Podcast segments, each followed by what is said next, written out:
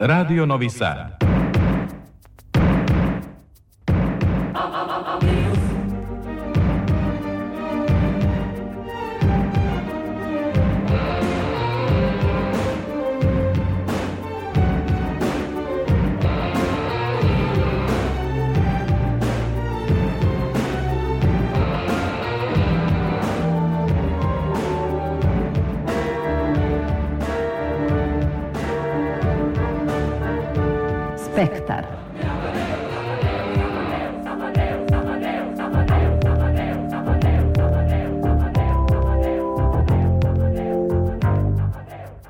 Spektar. Dobro večer. Ja sam Tatjana Novčić-Matijević, počinje Spektar, magazin za kulturu Radio Novog Sada.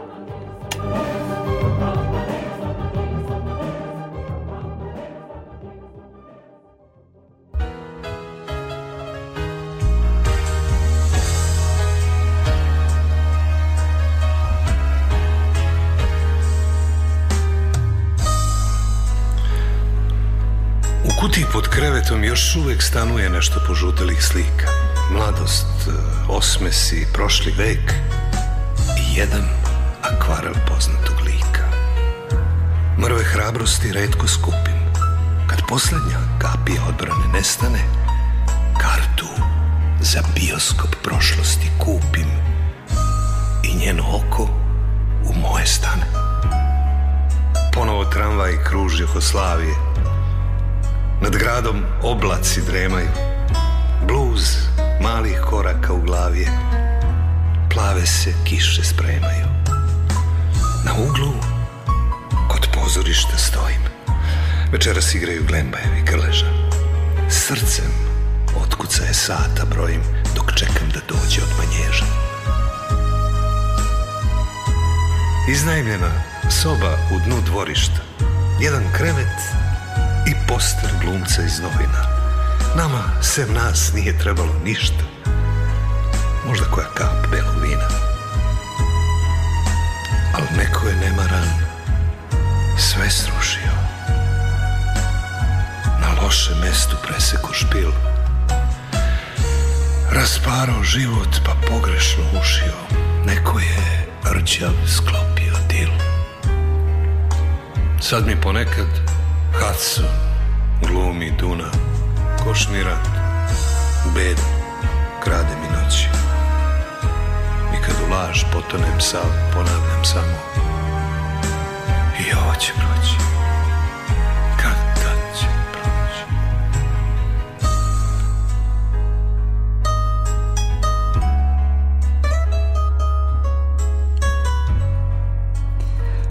Treći je dan kako se glumci, prijatelji i poštovaoci širom regiona opraštaju od Žarka Lauševića, jedinstvenog umetnika fragilne duše, tragične sudbine poput antičkog junaka doslednog u osjećanju odgovornosti. Bio je istinska jugoslovenska zvezda i žrtva njenog rasturanja. Neko je na jednoj od društvenih mreža zabeležio, nisam ga poznavao lično, a osjećaj je kao da je otišao najbliži. Preminuo je U 64. godini, posle kratke i teške bolesti, komemorativni skup je u ponedeljak u Jugoslovenskom dramskom pozorištu. Ispraće i kremacije na novom groblju u Beogradu.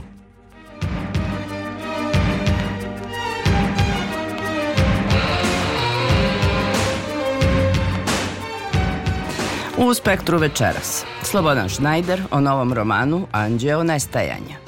U Subotičkom pozorištu Deže Kostolanji počeo 15. Dezire festival. U Nacionalnom umetničkom muzeju u Temišvaru otvorena izložba Paralele Novi Sad Temišvar zajednička sa Galerijom Matice Srpske. U Muzeju savremene umetnosti Vojvodine izložba vizuelnih umetnika najmlađe generacije.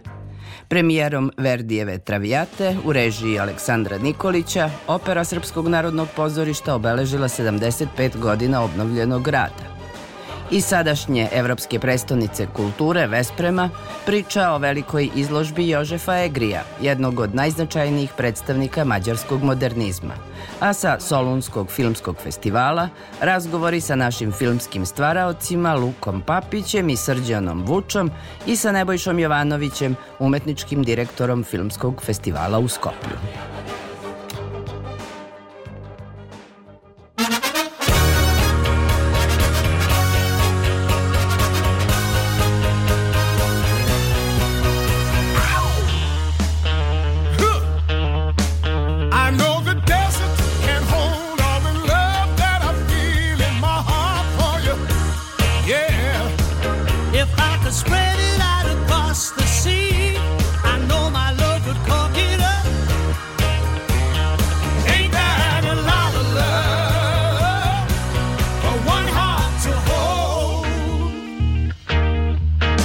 if the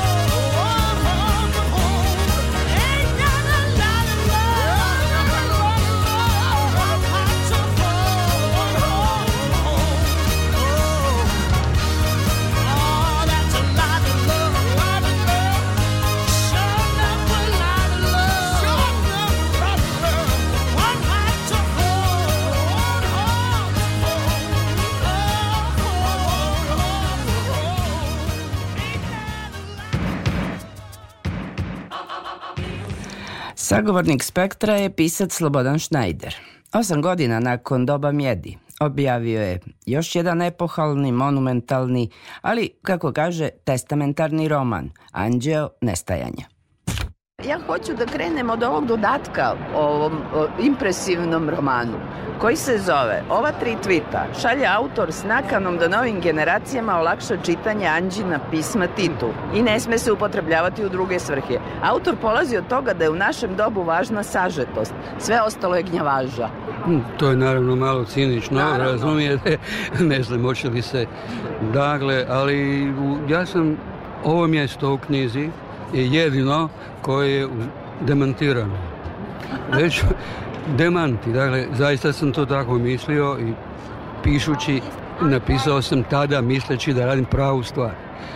Ali od Dova Mjedi, koji je dosta čitan roman i u ovom dijelu svijeta, hvala Bogu, prošlo je punih osam godina. Osam godina ja da, nisam svaki dan pisao Anđela nestajanja, ali sam svaki dan nešto za knjigu, dakle to je jako dug period i svijet se u međuvremenu dosta je promijenio. Naprimjer, prije tih osam godina nije postojao u današnjem smislu Instagram. Ne?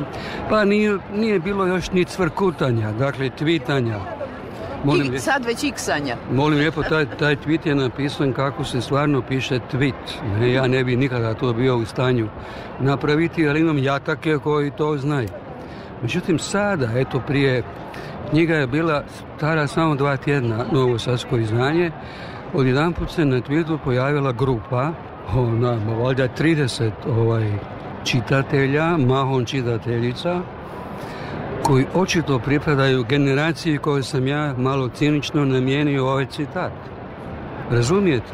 To mjed nije tu podršku, mjed nije mogla imati. Zašto je to meni tako važno? Iz dvije stvari. Tweet, dakle, tweet, odnosno Instagram ili Facebook u smislu diskus, to se ne da kupiti. To se ne da predvidjeti. Razumijete razliku? u kulturi kakva je naša, pisac kad napiše knjigu do ovih novih vremena strahuje od kritika recenzija kojih ima i nema, više ih nema nego što ih ima. Ne? Međutim, kako živimo u malim feudalnim knježevinama, gotovo svatko svakog zna. Dakle, ja živim već tri četvrtina stoljeća, što znači da gotovo sa svakim Hrvatom imam neku povijest slučaja. Ovo je nešto drugo, razumijete? To je nova mogućnost knjige, ako hoćete. Ili nova mogućnost života knjige, ne, koja mene naravno raduje iz tog razloga što je nepotkupljivo i iz razloga što to moraju biti mlađi ljudi. Ja, na primjer, dok me nisu poslali, nisam imao pojma opće šta je Instagram. Niti i ali ste ne, šta, ist, istovremeno ne sad... Bože da se ja pojavim na Facebooku To je kao kad bi ušao stari konj u disko klub sa, gdje je prosječno do 15 godina. Ne? Otprilike tako, da nemam tu što tražiti, ali tu se formira jedno mnjenje izvan službenih kanala, recimo država ne može ništa protiv toga, službena kultura ne može ništa protiv toga, to je vox pop. Dakle, nema potrebe da stoji ono opaska odobreno to ide svojim... Opaska odobrenost ide u jedno grdo vrijeme, međutim, znate, i danas ima takvih koji čitaju po dužnosti. Nemate misli da nema, mislim, kad mi neko veli da mi živimo u demokraciji, a ja imam zabranu bavina profesije, ja sam ipak nekad bio dramski pisac, neko se možda ova djeca s integrama nemaju o tome iskustava, ne mogu znati, ne? ali ja se recimo ipak toga još sjećam. Ali s druge strane, kada ukucaju na Wikipediji Slobodan Šnajder, da. onda dobiju sve relevantne podatke Zato o tome. Zato što da... imam, imam ljude koji se za to brinu. Da, to je, to je ažurirano i to je recimo, hoć, dakle možemo se ovako dogovoriti. E, informatika, kompjuteri, internet je literaturi nešto oduzela, sigurno, ne? I nešto u ovom vapaju da sve mora biti kratko ili nema šansi stoji. Ne? Da literatura ima svoji sredstava, da vas ulovi, drži uz knjigu, ne, daj Bože, ne. I evo ja, uspeva. Ja se, ja se oko toga jako trudim, pa svi se oko toga pisci trude, ne. Da, ali, dakle, nešto je uzela, ali je nešto i vratila. To je, na primjer, ova mogućnost da se dogodi potpuno demokratska procjena upućivanje jednih na druge, to je vrlo važno, ne dakle neka se to zvalo u Zagrebu mund propaganda, ova propaganda od usta na usta, to je u stvari moderna mund propaganda. Ne? Tako da, ovo, mogu reći da i sad moram da vas pitam, da trenutak, da, da sad zaronimo, ja sam krenula od nazad imajući da. upravo da. na umu to, da vi pišete romane koji dubinski se bave vrlo složenim temama egzistencije sa raznih nivoa i istorijski i filozofski i e, egzistencijalno kako god dakle jedna... sve to sve to su teme koje koje zahtevaju jednog predanog čitaoca, a vi to nije literatura među, za plažu. Da. Jasno, a vi ih očigledno i među e, mlađim čitaocima mlađim, uslovno sad, jel, o, kategoriše... Mene, meni, meni, nije teško biti mlađi, mi smo mlađi. Sva, ali svakako je, ih imate, ali da. to je novo, to je novo, gledaj. Do, do, do ovih sada vremena, ne, da moja publika je moja generacija, koja odlazi sa mnom, ne, koja vidi u tome nešto od svojih života, ne, Međutim, ova knjiga zahvaća i iskustva novih generacija. Mm -hmm. ona to ide... sam htela da vas pitam, jeste tematski važno. se dakle, primakli? Ona, ona zahvaća sve što je moja generacija prolazila kao posljedice. Posljedice i ono što je doživljavala neposredno. To je, to je drugačije. Ne? A generacija koje su sada ulaze zapravo u život, ne? moraju znati gdje su pretpostavke ovoga. Zašto se dogodilo što se dogodilo. Ne vrlo je važno mjesto u mom, mojoj knjizi da jedan vrlo važan vrlo važan čovjek Titove revolucije i najveći intelektualac te revolucije, Koča Popović, pred smrt, tako reći, kaže nije moralo tako biti. Razumijete? Ali to nije moralo tako biti, treba opravdati. On je to rekao, mahnuo i otišao u vječnost. Knjiga je puna pobjeda. Imate pobjedu NDH-2, ne? Pobjedu onda imate pobjedu komunizma koja djelimice pobjeđuje pobjednike ne? i onda imate pobjedu ove operetne revolucije 90. Sve su one ostavile duboke brazgotine, duboke i sve imaju nešto zajedničko. To ćete vidjeti u knjizi. Ne? A onda na kraju postoji jedna projekcija koja prebacuje motrište na nešto što će tek doći. To je zadnji monolog, vidjet ćete kako. Njega nema veze s realizmom, ali ono što izgleda u knjizi da je domislica, da je izmišljena anegdota, je stvarno. Stvarno tako bilo, Pa šta tako. Ne? A ono što u knjizi izgleda kao da je potpuno stvarno i nestvarno. Izvrnuli ste, jel je? Kao i obično, to je slično sa medij, ali knjiga je drugačija. Nju veže samo rečenica, knjiga ima puno veći raspon koji nastoji objasniti, evo, baš, baš generacijama koje dolaze. Generacija moja zna po prilici svoje gubitke, eventualne dobitke i s njima živi. Ali sad, da, ali dakle, sad... To, to, to, to ću reći još samo ovo da pisano je u dobu mjedi da je to testament što nije točno. Doba mjedi postoji nekih natruha biografski. Na je ono nerođeno biće, može biti, mogu biti samo ja, to je jasno. Ne? Evo, ja sam tu u tom smislu. A, a, ali ovdje, ovdje nema biografije direktne, ali je testament. To je ali jeste svedočanstvo, je li? Posmatrača. I ne samo posmatrača. Ja to više doživljavam, da, da, kao posljednja volja. Uh mhm. -huh. Dakle, tu postoje moje interpretacije najgore stvari koji su uglavnom zaobila, se zaobilaže, to su stvari iz prošlosti koje su nam zatajili, čak i nama koji smo bili za njih, naime to je vrlo bolno, pa sve do o, ovih najnovijih zamračivanja, dakle tu nema, ja nisam bježao od najnepopularnijih motiva naše povijesti. Sve ono što, to je unutra, unutra, ne, e, e sad, Naravno, postoji jedan višak, ja se nadam, književnosti. To ono što književnost može učiniti, ne, ja, ne, ne kažem da je to, on, to sam ja mogao učiniti u toj knjizi. E, pa hvala vam na tome. Hvala vam, hvala na, vam na, na, ovom romanu. Hvala da.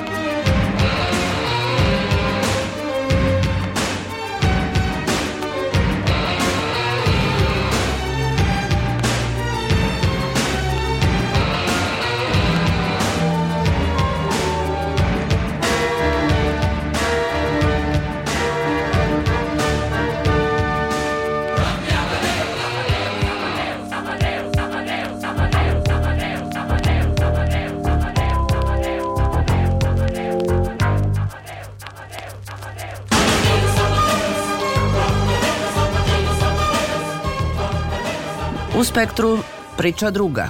Najavila sam da je u Temišvaru otvorena e, izložba Paralele Novi Sad Temišvar, ali detalje ćemo čuti od Aleksandre Rajić koja je prisustvovala otvaranju. Dobro veče. Dobro veče. Ist... I koja se upravo vratila sa puta, odnosno iz Temišvara. Dve Ist... izložbe su, dve izložbe su mm -hmm. danas otvorene. Zapravo dve izložbe sam imala prilike da vidim u Temišvaru. E, prvu izložbu koja je otvorila Galerija Matice Srpske u saradnji sa Nacionalnim umetničkim muzejem u Temišvaru. E, zapravo razvijajući tu međunarodnu saradnju, Matica, Galerija Matice Srpske uspostavila je E, dijalog sa Nacionalnim umetničkim muzejem u Temišvaru i to je rezultiralo e, prošle godine kod nas, a sad i u Temišvaru otvorenom izložbom pod nazivom e, Paralele, a u realizaciji je sa ove dve ustanove učestvovala što je vrlo bitno i eparhija zapravo riznica eparhije Srpske pravoslavne crkve u Temišvaru. I sada ovom izložbom su zapravo spojene dve velike, a veoma slične e, slikarske kolekcije. Govorili smo već o tome i ranije kada je naša izložba u Novom Sadu otvoreno slične e, i po načinu na koji su osnovane i po tome e, šta je njihov sadržaj, odnosno kakve slike e, čuvaju i pokranjuju. E, obe galerije i ovu u Temišvaru i našu Novosadsku osnovali su veliki filantropi, veliki dobrotvori, Temišvarsku Žigmond Ormoš, a našu naravno Sava Tekelija. Slike su veoma slične, pa je tu jedna čuvena slika Stevana Aleksića, jedna pripada Temišvaru, druga e, Novosadskoj galeriji, e, u kafani, slika u kafani sa onako simbolom smrtni iznad glave, zaista tako reći iste slike. E, tu su dakle i radovi e, koji e, te galerije e, imaju slike iz 18. 19. i 20. veka. Reč je zapravo ovom izložbom su uspostavljeni Uh, uspostavljen je dijalog koji govori o sličnim istorijskim, kulturnim, političkim, duhovnim, E, prostorima i kontekstima u kojima su se e, ova dva grada, najpre u okviru Austro-Ugarske monarhije, potom u dve države, ali ipak u jednom banatu nalazila. Izložba je bila zaštitni znak Galerija Matice Srpske tokom Europske prestonice kulture u Novom Sadu, a danas je u Temišvaru takođe, dakle, Europskoj prestonici kulture za 2023. godinu, koju je evo i na izmaku, ja mislim da oni predaju u martu. E, e, ovu svoju e, funkciju, odnosno ovaj svoj status. Izložba istovremeno, i to je zanimljivo, obeležava dane srpske kulture u Temišvaru, koje su već tradicionalno održavaju u novembru pod pokroviteljstvom Saveza Srba, ja mislim već nekih 17-18 godina. E, i, I ono što je meni zapravo bila ovako najdirljivije i najzanimljivije, ovom izložbom se veliki filantrop e, i predsjednik Matice Srpske, Sava Tekelija, tako reći vratio ovaj, u svoju postojbinu. On je rođen i on je sahranjen u Aradu, a Arad je naravno nedaleko e, od Temišvara. I, isti druga, e, prostor, da. isti, isti, da. A druga izložba koju smo imali sreće da vidimo, to je ova čuvena izložba koja je zapravo, na kojoj su uh, stanovnici Temišvara i cela e, ta kulturna sredina u Temišvaru je izuzetno ponosna, sav Temišvar je u tom znaku. To je velika izložba koja označava e, izvestan povratak Konstantina Brankušija, velikog rumunskog vrajara mm. u Rumuniju, koji je tamo negde pre e, e, rata otišao u Francusku i tamo naravno i umro. E, polovinom 20. E, veka. Izložena su Brankušijeva najmarkantnija e, dela iz onih čuvenih serija Poljubac, ptice, ribe, beskonačni stubovi, skulpture dece i tako dalje. Izložene su čak i fotografije koje je Brankuši pravio jer je bio veoma uspešan i fotograf. Sad moram da kažem da je na mene najveći utisak ostavila upravo ona čuvena Brankušijeva ptica, onako je vitka, jel da? I, i vretenasta, ona iz udžbenika još istorije istorije umetnosti koje smo u školi e, e, imali prilike da vidimo, celog života, kaže Brankuš, želao je da predstavi samu suštinu letenja i upravo tom figurom je e, to pokušao da e, predstavi. A čuli smo jednu anegdotu da kad je nosio u Ameriku tamo negde 20. godina prošlog veka, Amerikanci su hteli zapravo da mu naplate carinu smatrajući njegovo delo pukim metalom kao nekakvom kašikom kako kažu e, američki listri. Izložen je čak i jedan e, beskonačni stub iz te njegove serije stubova koji simboliše e, ne toliko ljubav koliko žal kako smo čuli od vodiča za razgrani, zbog razgraničenja delova Rumunije Eh, u prošlom veku, pre svega Moldavija, a potom i ne pojedinih delova koji su kasnije pripali eh, Ukrajini. I sad rekla sam da su Rumuni vrlo ponosni na ovu izložbu, a Brankušija zapravo smatraju nacionalnim blagom. On je prvi put u ovom obilju i ovom obimu eh, zapravo u Rumuniji uh, Stigli su eksponati, više od stotinu eksponata iz rumunskih muzeja u Krajovi i u Temišvaru, ali iz privatnih brojnih kolekcija u Francuskoj, u svetu, iz State galerije, iz Guggenheim, Guggenheim e, muzeja. I evo ovako za kraj samo da kažem da treba videti ove dve izložbe ukoliko slušaoci naši imaju priliku da posete Temišvar svakako treba da strate u Nacionalni umetnički muzej u Temišvaru da ih pogledaju.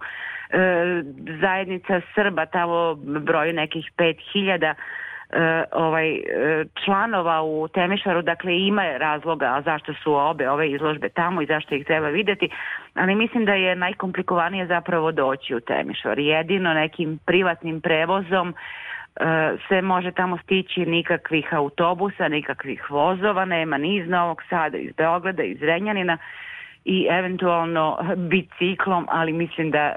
Uh, Vremenske prilike baš ne idu jeste, sad na, da na ruku toj opciji. rade samo, carinski rade samo ovaj sezonski. Mm.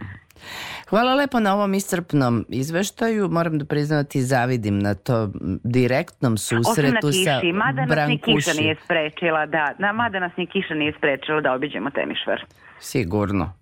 Sigurno. Hvala lepo. Bila je to Aleksandra Rajić sa e, raportom iz Temišvara sa dve izložbe koje su e, imali prilike e, posetioci odavde u organizovano da, da vide. Thank you.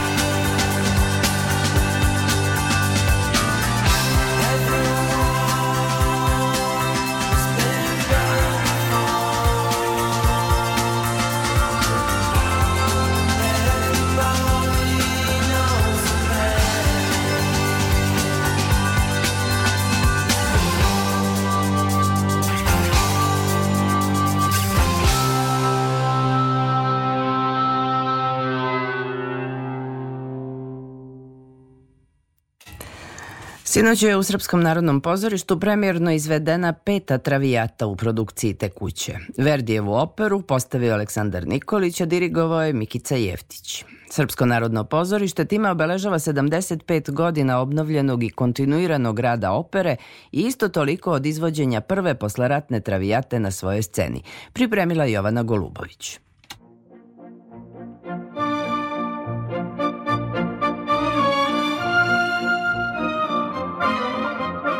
Lik Violete poveren je sopranu Dari Olajoš Čizmić. Ja travijatu jesam pevala već duži niz godina, već unazad 5-6 sezona. Ova travijata je drugačija, prvenstveno je to i zbog režije koja je veoma zahtevna i malo nas, moram reći, i opterećuje s te strane, zaista ima puno detalja na koje treba da pazimo uz to. Svu teškoću i pevanja i zahtevnih arije i svega, malo nas režija tu sputava, ali publika je zaista sjajno primila večerašnju premijeru, svi su zadovoljni, mnogi su čak i plakali na samom kraju koliko koliko je bilo emotivno, što znači da eto, ipak je odlično odrađeno pevački. Ulogu Alfreda Žermona tumači tenor Stevan Karanac, a njegovog oca Žorža bariton Željko Andrić. Reditelj Aleksandar Nikolić kaže da je razmišljao o tome da svakom notom i rečju izazove reakciju publike, u čemu je i uspeo. Meni je ovo šesta predstava sa ansamblom Srpskog narodnog pozorišta i nadam se još mnogim predstavama sa Srpskog narodnog pozorišta. Ovo je ansambl koji volim, ovo je kuća koju volim.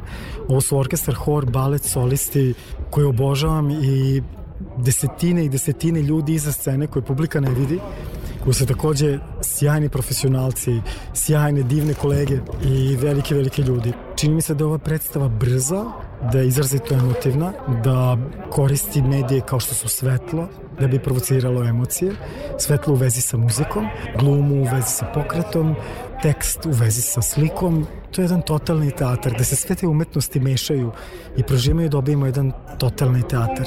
To se večeras desilo, čini mi se, na velikoj sceni Srpskog narodnog pozorišta. Poštovanje Verdiju može se iskazati jedino tumačeći ozbiljno svaku njegovu notu i reč libreta čiji je autor Francesco Maria Piave, objašnjava reditelj.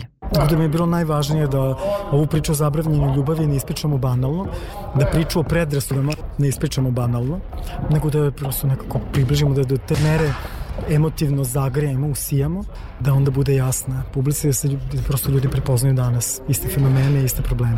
Čini mi se, bilo je par gospođa oko mene koje su malo šmrcnule, to me kao reditelj uvek e, bude drago, moram da priznam, a to znači da predstava nije loša. Dirigent Mikica Jevtić kaže da mu je važno da vidi detalje koje nastaju na sceni, da bi svi segmenti dela činili jedan mozaik. Stvarno moram da istaknem da sa Aleksandrom Nikolić mi je zadovoljstvo sarađivati i zato što jako je bitna ta veza između reditelja i dirigenta. Recimo, mi smo sad neke stvari, to publika možda nije ni primetila, čak malo promenili. Čak smo negde tekst promenili, ovaj, zato što su negde uloge bile malo drugačije, recimo. Imamo čerku koja se praktično nigde ne pojavljuje uglavnom, gde ona čak to finale peva umesto Anine Znači, to je recimo čak jedna onako izmena, mislim gde naravno smo obostrano smo se sagla, složili da to možemo da uradimo, Sjajan hor pripremila je Vesna Kesić-Krsmanović, a predstavu je obogatio i baletski ansambl sa koreografijama koje potpisuje gost iz Severne Makedonije Igor Kirov. Travijata je prva opera SNP-a u kojoj je korišćena rotacija kojom je letos opremljena scena Jovan Đorđević. Prva repriza u kojoj ljubavni parijski par tumače Vesna Đurković i Ermin Ašćerić zakazana je za sutra, a sledeća je u ponedeljak.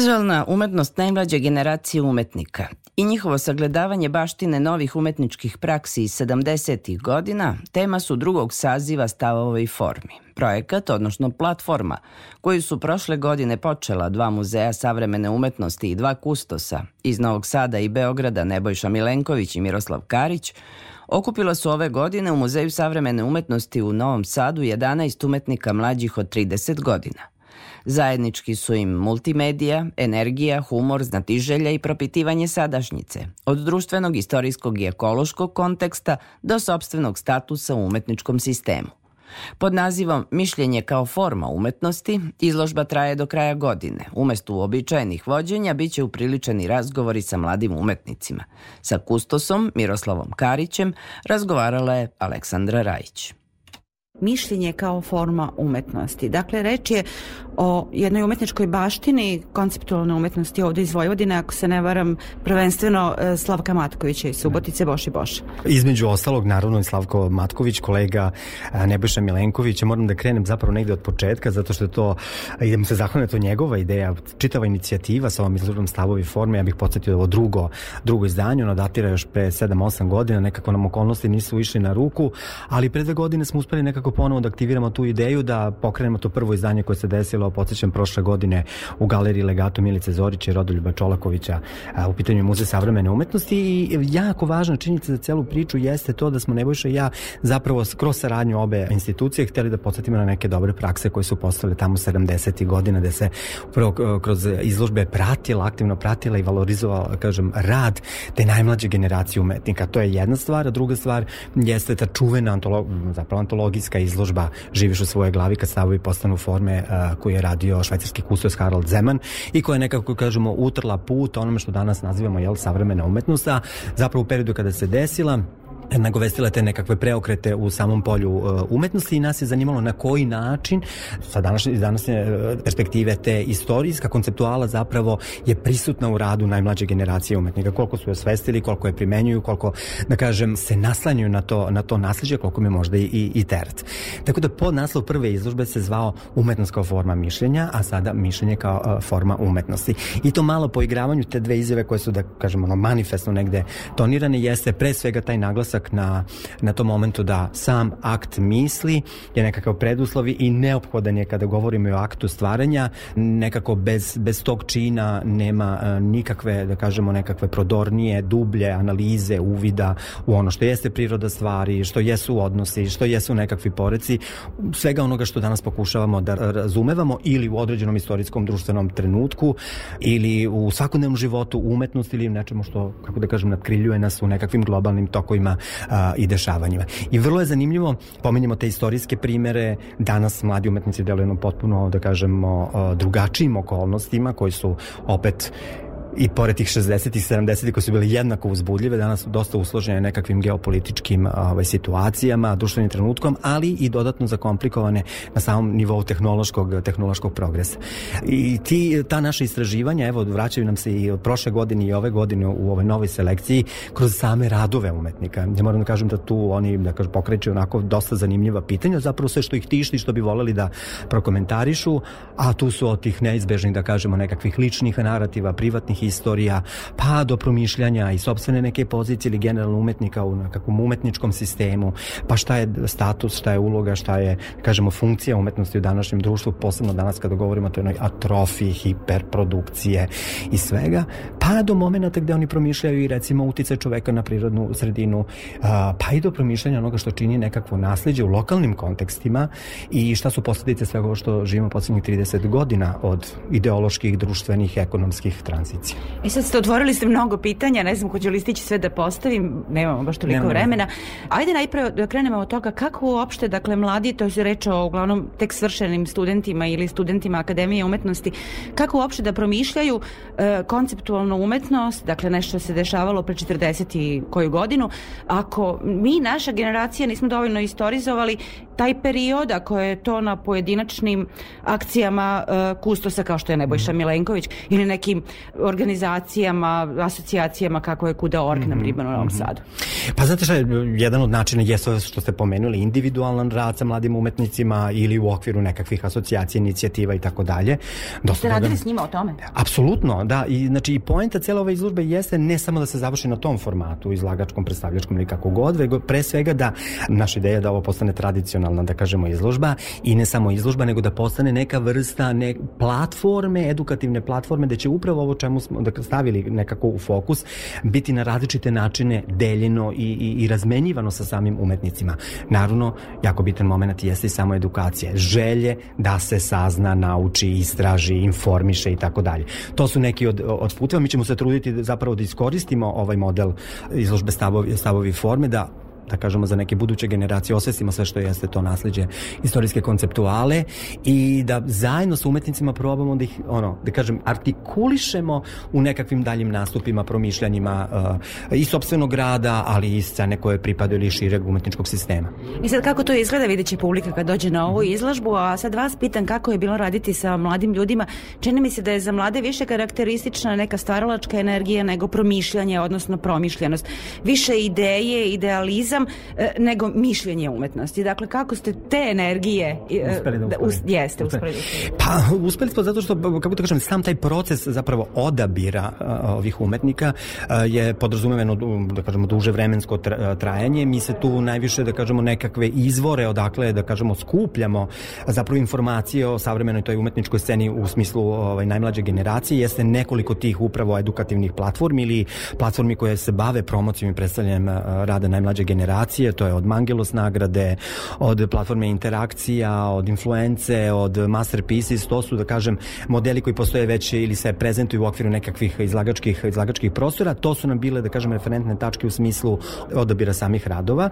Nije lak proces, ali, kako da kažem, vrlo lako se i izdvoje. Naravno, odmah se prepozna ovaj, u radovima tih mladih umetnika ko je zaoštren, ko je smeo, ko je, da kažem, na taj način spreman da istražuje i, i eksperimentiše sam proces i rad sa, sa ovogodišnjim umetnicima je protekao zaista fantastično, nismo imali nikakav, da kažemo, u tom smislu problem, ali s druge strane i s, njiho, s njihove strane napravo veliku znatiželju da se dalje uđe u, u, u sam proces i da se, da kažem, ovaj, istraži, da se otkrije, da se nauči, što je jako bitno. Želja to da se nauči e, šta jesu bili nekakvi njihovi prethodnici. Evo imamo večeras i ovde je čak i na naslovnom plak, e, na plakatu rad e, mladog umetnika Danila Burseća, te on zapravo referišem te jednu ikoničnu figuru, po, evo da kažemo, a, uopšte kada govorimo o onome gde je došlo do krucijalnog preokreta u umetnosti Marsala Dišana, tako da a, e, u razgovoru sa njim sam razgovarao na koji način je upravo on što sam mi pomenuo, može takvo takveno nasiđe da predstavlja i teret. On se poigrava u svom radu upravo sa tim i večerašnjim performansom. A ako bude došao, ovaj, će videti, a evo ovako kratko za posetioca će biti prilika da vidi koji predmet je u pitanju, jasan će im biti. Er, još jedno pitanje koje se postavlja, to je pitanje kustosa, odnosno kuratora i na ovoj vašoj platformi i u vašem radu vi ste radili na, sa nezavisnom scenom yes. i u institucijama, a vidim da i sami umetnici na vrlo zanimljive načine postavljaju pitanje, e, vrlo eksplicite načine vrlo eksplicite. postavljaju pitanje pitanje ovaj, kustosa. Dakle, kakva je vaša uloga u svemu tome, vaša i Nebojše Milenkovića? E, naša je pre svega moderatorska, ja bih rekao, da. Ne na način e, da sad nekako se to znanje e, indukuje ono, presijom, da tako kažem, nego pre svega da ono što su njihova interesovanja se nekako moderiraju, a mi smo tu da im damo to, dobre primere, dobre prakse, pravce, usmerenja u kojim mogu da, idu, da ide njihov rad, generalno njihova poetika, strategija, delovanja, kako god. Uh, trudimo se da na taj način pomognemo. Nema, ovaj, eh, zato što je Harold Zeman zapravo jedna od tih figura u kustoskom svetu koja je zapravo doprina dosta tom statusu kao kustosa zvezde. Ne baš ja nisam baš na toj poziciji, nego više, da kažemo, nekakvo ono, podrške eh, mladim umetnicima. Hvala vam. Hvala vam.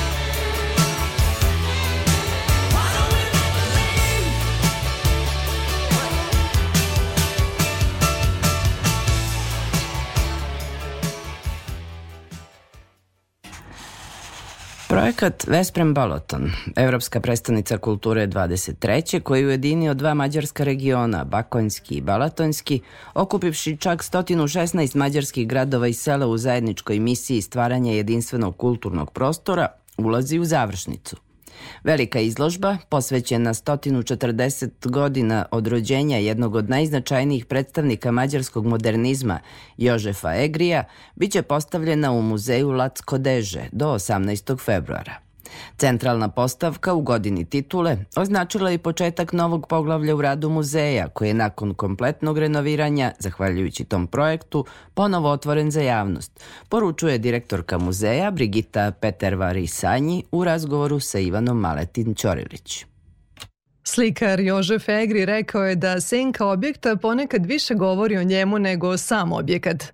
Šta nam senka muzeja Lacko deže otkriva o njegovoj istoriji. Uh, this is a Conti Museum, the Latsko Dežje Museum. It was founded in 19... Uh, muzej je osnovan početkom prošlog veka, 1903. godine, ali je taj objekat otvoren tek 1925. nakon nekoliko godina borbe da se dovrši kao muzej za ceo okrug. Imamo nekoliko zbirki, numizmatičku, arheološku, etnografsku i umetničku zbirku. Nekada smo posjedovali prirodno-istorijsku zbirku, ali je ta zbirka 2013. godine postala deo Prirodnjačkog muzeja Mađarske. Takođe, ponosni smo na našu istorijsku zbirku koja prikazuje bogatu istoriju čitavog regiona i grada Vesprema. Postoji samo jedan deo naše zbirke koji sakupljamo širom Mađarske. Takođe, imamo nekoliko međunarodnih eksponata. Sa formiranjem moderne kolekcije stakla krenuli smo ranih 90-ih. Na nju smo veoma ponosni i svake godine se trudimo da je proširimo kupovinom dela sa umetničkih izložbi. Trenutno je samo prvi sprat muzeja otvoren za publiku. Posvetili ste ga slikaru Jožefu Egriju. Velikom izložbom predstavili ste presek njegovog stvaralaštva, kako je on povezan sa Vespremom i kako je poneo epitet slikar Balatona. Um, well, uh, we opened this year after completely being renovated with the help of the European Capital of Culture funding. E, Ove godine smo otvorili muzej nakon kompletnog renoviranja uz finansijsku pomoć koju smo dobili u sklopu projekta Evropske prestonice kulture.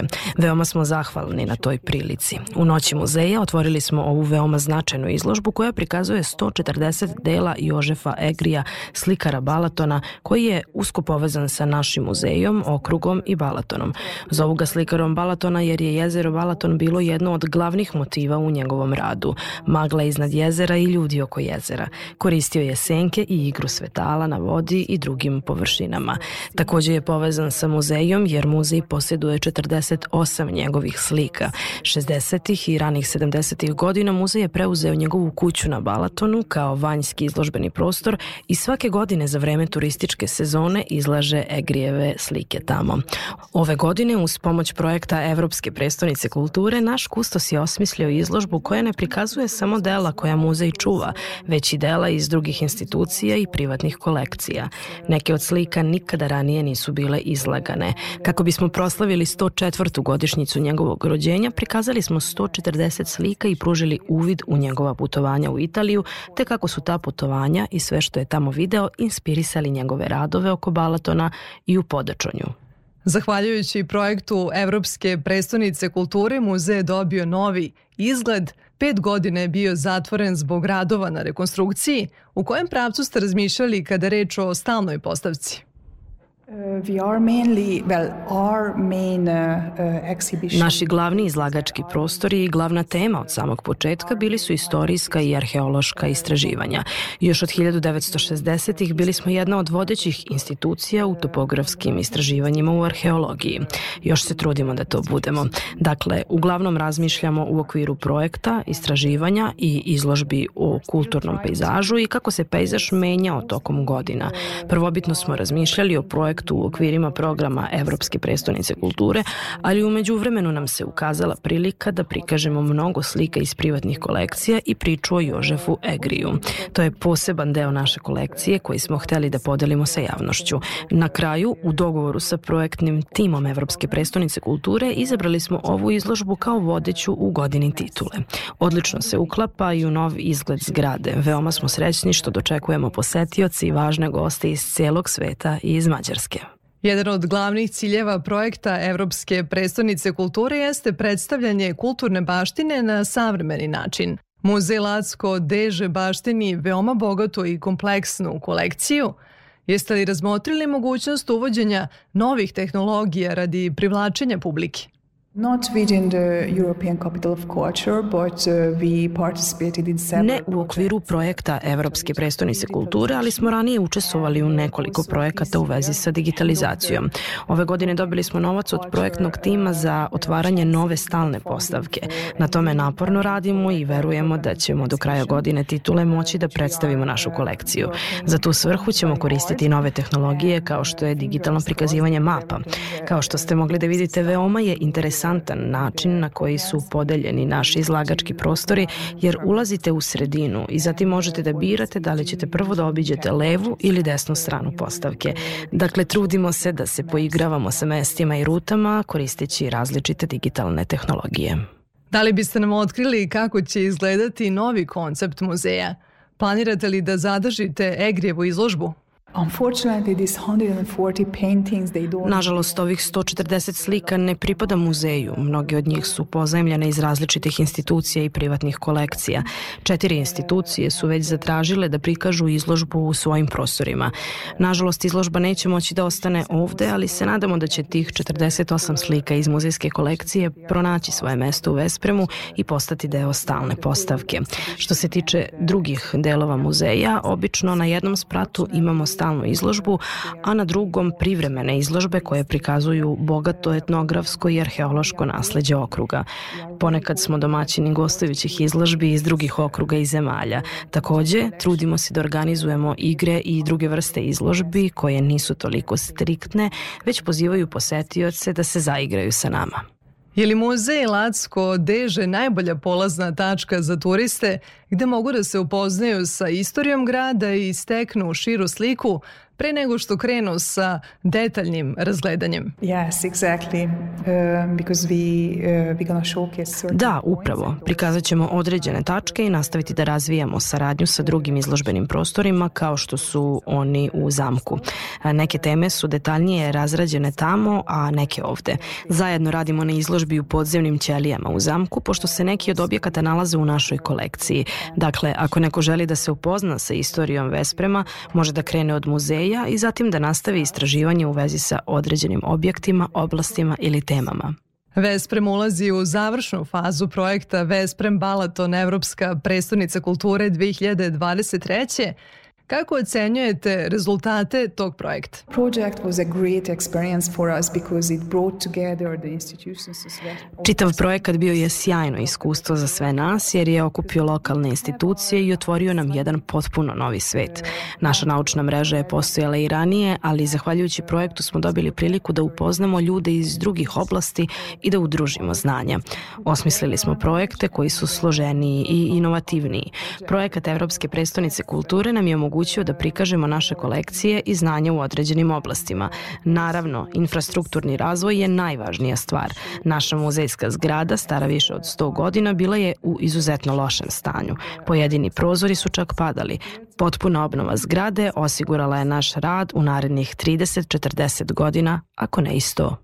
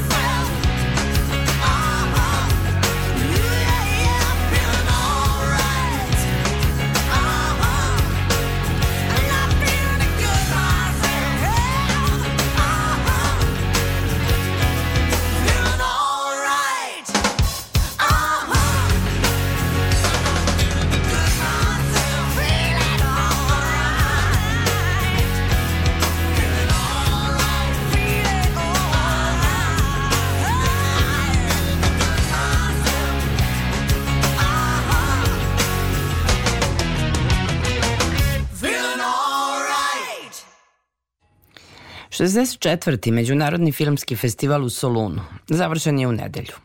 Priznanje Zlatni Aleksandar Teo Angelopoulos pripao je grčkom filmu Animal, rediteljke Sofije Eksarhu, surovoj priči o siromašnim umetnicima, migrantima koji završavaju kao zabavljači bogatih gosti u luksuznim hotelima u Grčkoj. Solunski festival tradicionalno podržava mlade autore i njihove projekte u nastajanju. Petodnevna manifestacija Agora otvara im mogućnosti za kontakte sa velikim brojem potencijalnih koproducenata i selektorima najznačajnijih festivala. Jedan od projekata koji je ove godine obezbedio učešće na Agori je film Konji igraju, reditelja Luke Papića i producenta Srđe Vuča. Sa njima je razgovarao Goran Vukčević. Projekat je onako, mislim da se tiče vojvođanskog prostora, s obzirom da je vojvođanska priča konji koji pevaju. Da, konji pevaju. Konji pevaju. Ali to je to u suštini. Pa ja sam zapravo bio inspirisan mojim... Ovo je Luka Papić. Porodičnim pričama, pošto je moj pradeda, a i čukundeda, znači bio vlasnik jedne kafane u Vrbasu, tako da sam od babe slušao priču o toj kafani i štali koja je bila sastavni deo i neophodni deo kafane, pa sam malo i od oca slušao prepričavanje pradedinih priča i onoga što je i on sam e, doživeo. U nekom trenutku sam shvatio da je sama štala jako dobra postavka za nekakvu dramu da se desi u njoj. I onda sam istražio i shvatio da to, iako je toliko očigledno, još uvek nije, nije urađeno. Još uvek ne postoji zapravo. Svuda se pomalo pominju štale, ali niko nije stavio celu dramu u štalu. Tako da, nakon nekog vremena, sam dobio ideju šta bi tu zapravo moglo da se dešava i taj scenarij je napisan, podržan je od strane Filmskog centra e, na konkursu, poslo je projekat podržan je za razvoj i evo nas sad upoznajemo tu potencijalne koproducente, partnere i gledamo kako da taj film koji je ipak na neki način kompleksan jer podrazumeva kostime, u pitanju epoha, puno konja, jednostavnu scenografiju, ali ipak kompleksan poduhvat, kako sad sa tim svim partnerima iz regiona i Evrope da to ostvarimo uz tebe naravno producent, najvažnija osoba za reditelja je producent Srđa Vučo. Srđo, koliko je Solunska Agora pogodan prostor da se malo doda vetar u leđa filmu? Pa nama je pogodan prostor najviše za učenje. Mi smo došli, da ajde tako kažem, iz dokumentarnog filma. Mi smo 2022. imali dva uspešna dokumentarna dugometražna filma i sad malo učimo kako funkcioniše ceo sistem, jer pravljanje svakog filma je kao ponovo da te baci iz čamca, a ne znaš da plivaš i ono, to je naš, svaki film koji smo pravili do sad nam je bio taj utisak. Ovde ima puno zanimljivih ljudi, zanimljivih projekata i ovaj, mislim da smo našli jako zanimljive kontakte i da zaista smo profitirali na neki način od ovog iskustva. Ovde još plus je Solun jako lep grad sa znamenitostima. Ovaj, i... Jeste super atmosfera. Super atmosfera, tako da mi, mislim da, da smo izvukli dosta dobrog iz, iz ovog eh, is, iskustva. Da. A koliko je izazov za mladog producenta da, da uđe u film koji je epoha? koji je uvek malo zahtevniji. A, ja nisam mlad, ja sam mladolik. to, ja imam 39 godina, to nije više mlado. Pa izazov je i zanimljivo je, mislim, to je jedan od glavnih razloga zašto ovaj, mene ovaj, pored naravno dobrog scenarija, zašto mene ovaj projekat toliko privlači je jer zaista je nesvakidašnje raditi epohu, ovaj, naročito u, u Srbiji na način na koji mi radimo filmove, što nije nešto što bi rekli tradicionalno kako bi se očekivalo da se rade veliki studiji i tako dalje. Mi smo ipak koliko toliko... Nemamo Spielbergovu za film Ratni konj, recimo, produkciju. Nemamo, nemamo, ali mislim da, da, da možemo se snaći. Kakvi su planovi kad će da počne sve ovo Luka Papić, reditelj? najoptimističnije naša neka prognoza je, pošto tek treba da apliciramo na konkursu za produkciju, sve zavisi naravno od podrške našeg matičnog filmskog centra, jer tek onda zapravo svi ovi kontakti koje stičemo mogu da se aktiviraju i da se izlazi na konkurse drugih zemalja i da se ostvari cela ta konstrukcija, tako da najoptimističnije moguće 2025. godine do tada polako kotrljamo. Puno truda i istrpljenja. Da, a može i kasnije, izdržat ćemo, izgurat ćemo. Sledi sada i razgovor Gorana Vukčevića sa rediteljem Nebojšom Jovanovićem iz Severne Makedonije koji godinama prati solunsku manifestaciju selektujući filmove za festival u Skoplju čiji je umetnički direktor. Kakva je situacija u Severnoj Makedoniji sa, sa kinematografijom, sa produkcijom? Koja količina filmova izlazi? U, pa to je a, dosta, kako da kažem, a, varira od godine u godine, ovisno mi smo manja, manja zemlja, manja industrija i normalno produkcija ovisi o podrški od agencije za film. A međutim, to mislim da... Kao što imamo filmski centar. Da, da, da, da, to je to. Da, tako da sad u smislu e, kratkog metra mislim da je dosta, da, da, da, za naše tržište, za našu malu filmsku industriju da, da ima dosta uh, projekata koji su podržani i koji se ovaj, rade. E, mislim da smo se dosta dobro postavili i, i, na, i na svetskom, recimo, evropskom tržištu, e, prisutni, prisutna je makedonska kinematografija na velikim festivalima, to ste verovatno i primetili.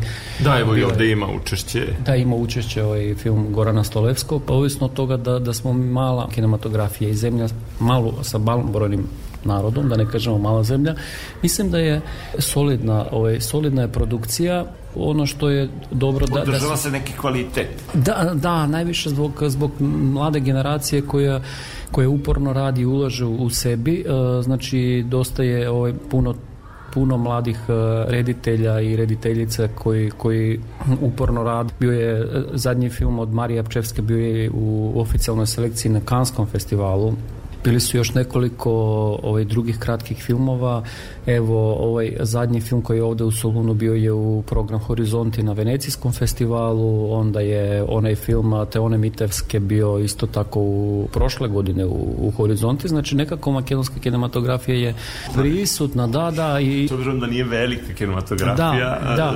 lepo je da je prisutna. Da, tako da Mislim da je dobro što mladi autori rade, evo rade se koprodukcije, veliki broj koprodukcija i mislim da, da ima prostora svakako da bude to još produktivnije, još e, recimo... Da, da li da ima autor ovde i na Agori, na Agori koju pratiš? Ne, ove godine nema, ove godine nema, ali ovaj festival je odlična velika šansa za, za autora, naročito ovaj industri deo gde, gde se pruža šansa da, projekte, da se projekte razvijaju, da dobiju do, dodatnu ovaj, podršku.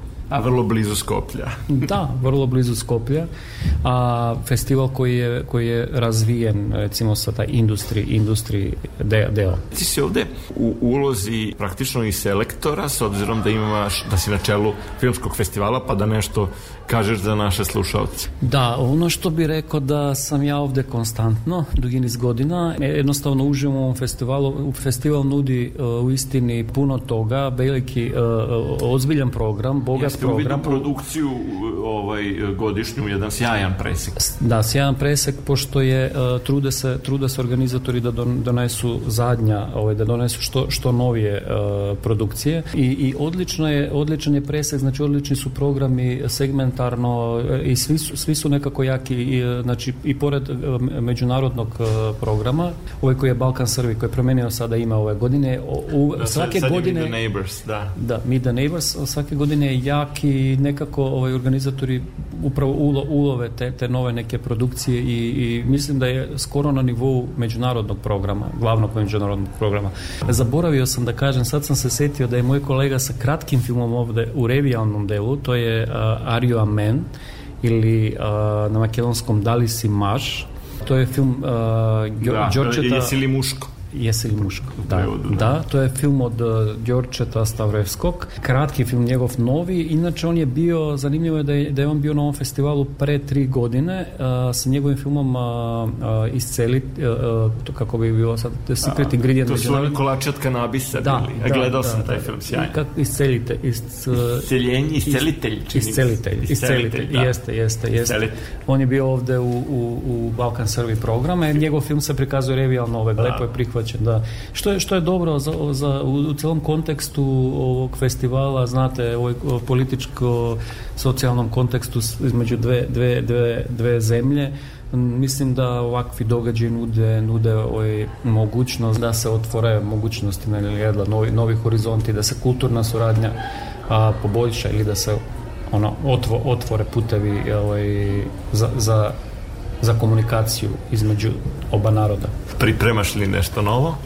Pa da, pripremam novo, e, moj novi kratki film treba da radim upravo kad se vratim u Skoplju, da krene predprodukcija, znači zanimljivo scenario, ovaj, e, tema jedna suočavanje sa smrću, uopšte to je preko jednog malog deteta, u priči ulazi jedan e, travestit i tako dalje, tako da je tako jedna crna komedija na univerzalnoj temi i ovaj, nadam se da će da bude zanimljivo i da ćemo, da ćemo možda ga vidjeti ovde. ovde. da, da.